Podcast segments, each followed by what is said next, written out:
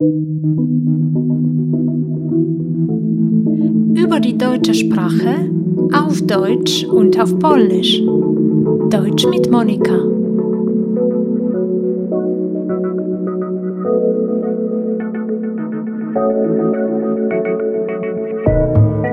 Hallo, mein Name ist Monika. Heute wird die Rede sein über Pluraliatantum die einerseits nichts Schwieriges darstellen, das sind bloß Substantive, die nur im Plural vorkommen. Andererseits besteht die Problematik beim Deutschlernen darin, Folgendes zu begreifen und im Gedächtnis zu behalten. Die Worte, die im Polnischen nur in der Mehrzahl stehen, sehen nicht unbedingt genauso in der deutschen Sprache aus.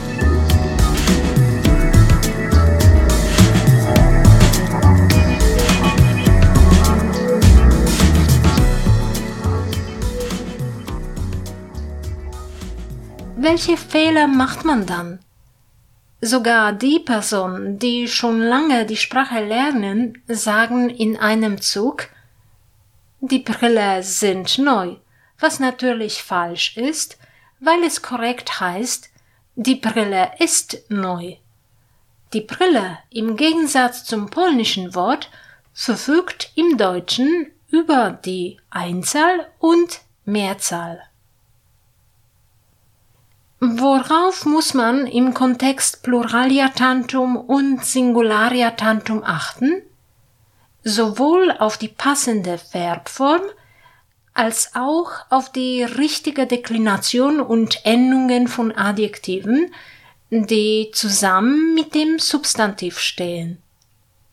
Zögern wir also nicht, machen wir uns ans Werk, also ans Hören, Wiederholen, lesen oder an alles zusammen. Die Transkription ist natürlich auf meinem Blog www.niemieckismonikum.pl zu finden. Du kennst sicherlich eine ganze Menge Pluraliatantum im Polnischen.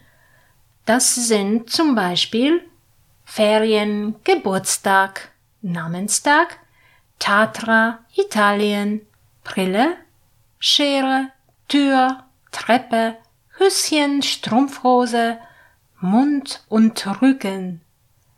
Kaum zu glauben, aber das sind nur wenige Beispiele, die im Polnischen nur in der Mehrzahl stehen.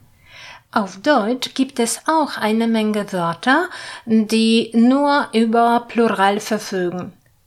Sie bilden folgende Gruppen geografische Bezeichnungen, Personengruppen, Zeitbegriffe, Krankheiten, Sammelbegriffe im Handel und in der Wirtschaft, Finanz- und Rechtsbegriffe, Begriffe des menschlichen Verhaltens, Sonstiges. Hier also passende Beispiele zu diesen Gruppen. Ich nenne absichtlich keinen Artikel, weil alle diese Wörter sowieso den Artikel die besitzen. Oder sie werden ohne den Artikel verwendet. Geografische Bezeichnungen. Gebirge, Inselgruppen, Länder. Alpen. Alpen. Karpaten. Karpaten Bermudas. Bermudas. USA USA Personengruppen. Eltern. Eltern. Geschwister. Geschwister. Leute. Leute Zeitbegriffe. Ferien. Ferien. Flitterwochen.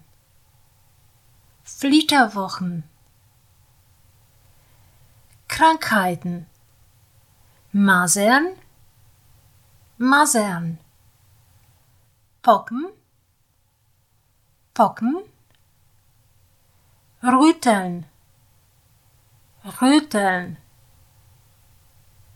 Sammelbegriffe im Handel und in der Wirtschaft. Kurzwaren, Kurzwaren. Lebensmittel, Lebensmittel. Möbel, Möbel. Textilien, Textilien. Finanz- und Rechtsbegriffe. Aktiver, aktiver.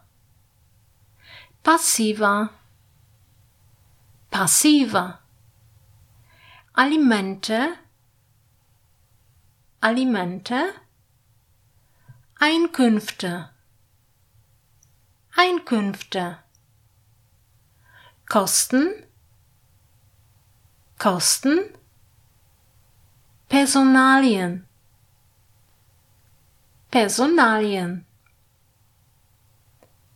Begriffe des menschlichen Verhaltens. Schliche, Schliche. Umtriebe,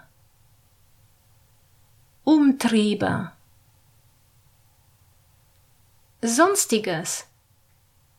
Gliedmassen, Gliedmassen. Imponderabilien, Imponderabilien. Macaroni, Macaroni.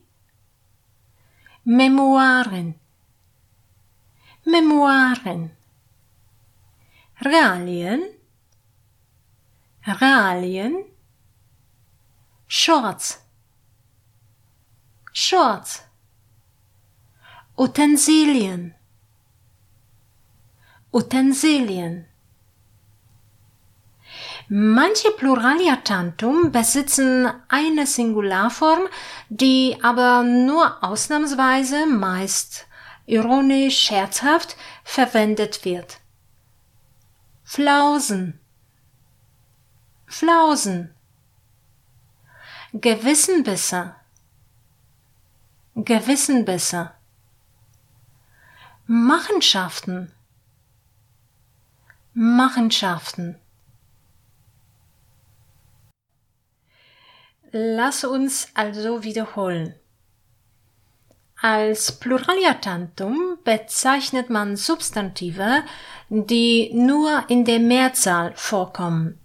In der deutschen Sprache sind das geografische Bezeichnungen, Personengruppen, Zeitbegriffe, Krankheiten, Sammelbegriffe im Handel und in der Wirtschaft, Finanz- und Rechtsbegriffe, Begriffe des menschlichen Verhaltens, Sonstiges. Ich möchte an dieser Stelle ein Wort vorstellen, das zwar die Einzahl besitzt, aber es wird meistens in der Mehrzahl benutzt. Der Umstand. Der Umstand. Plural. Die Umstände die Umstände. Unter keinen Umständen. Unter keinen Umständen. Unter keinen Umständen werde ich so etwas erlauben. Unter keinen Umständen werde ich sowas erlauben. Unter diesen Umständen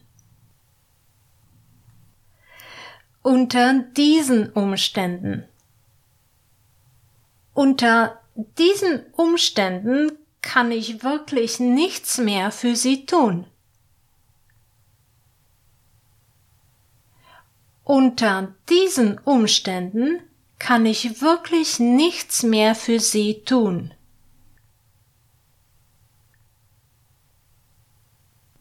Nicht viel keine Umstände machen. Nicht viel, keine Umstände machen.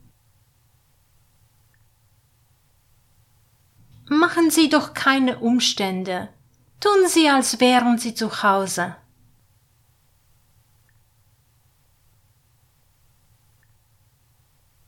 Machen Sie doch keine Umstände.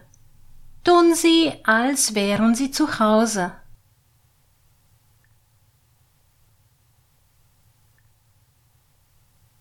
Jemandem Umstände machen. Jemandem Umstände machen. Wenn es Ihnen nicht zu viel Umstände macht, möchte ich mir gern Ihre Sammlung ansehen.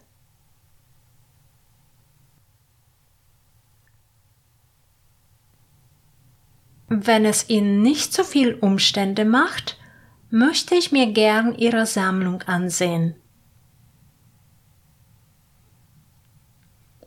Wenn es dir nicht so viel Umstände macht, schreib bitte einen Kommentar zu dieser Folge. Wenn es dir nicht so viel Umstände macht, schreib bitte einen Kommentar zu dieser Folge. Vielen Dank für das Zuhören. Du kannst natürlich meinen Blog www.niemieckizmonikom.pl abonnieren, um keine aktuelle Folge zu verpassen. Bis bald!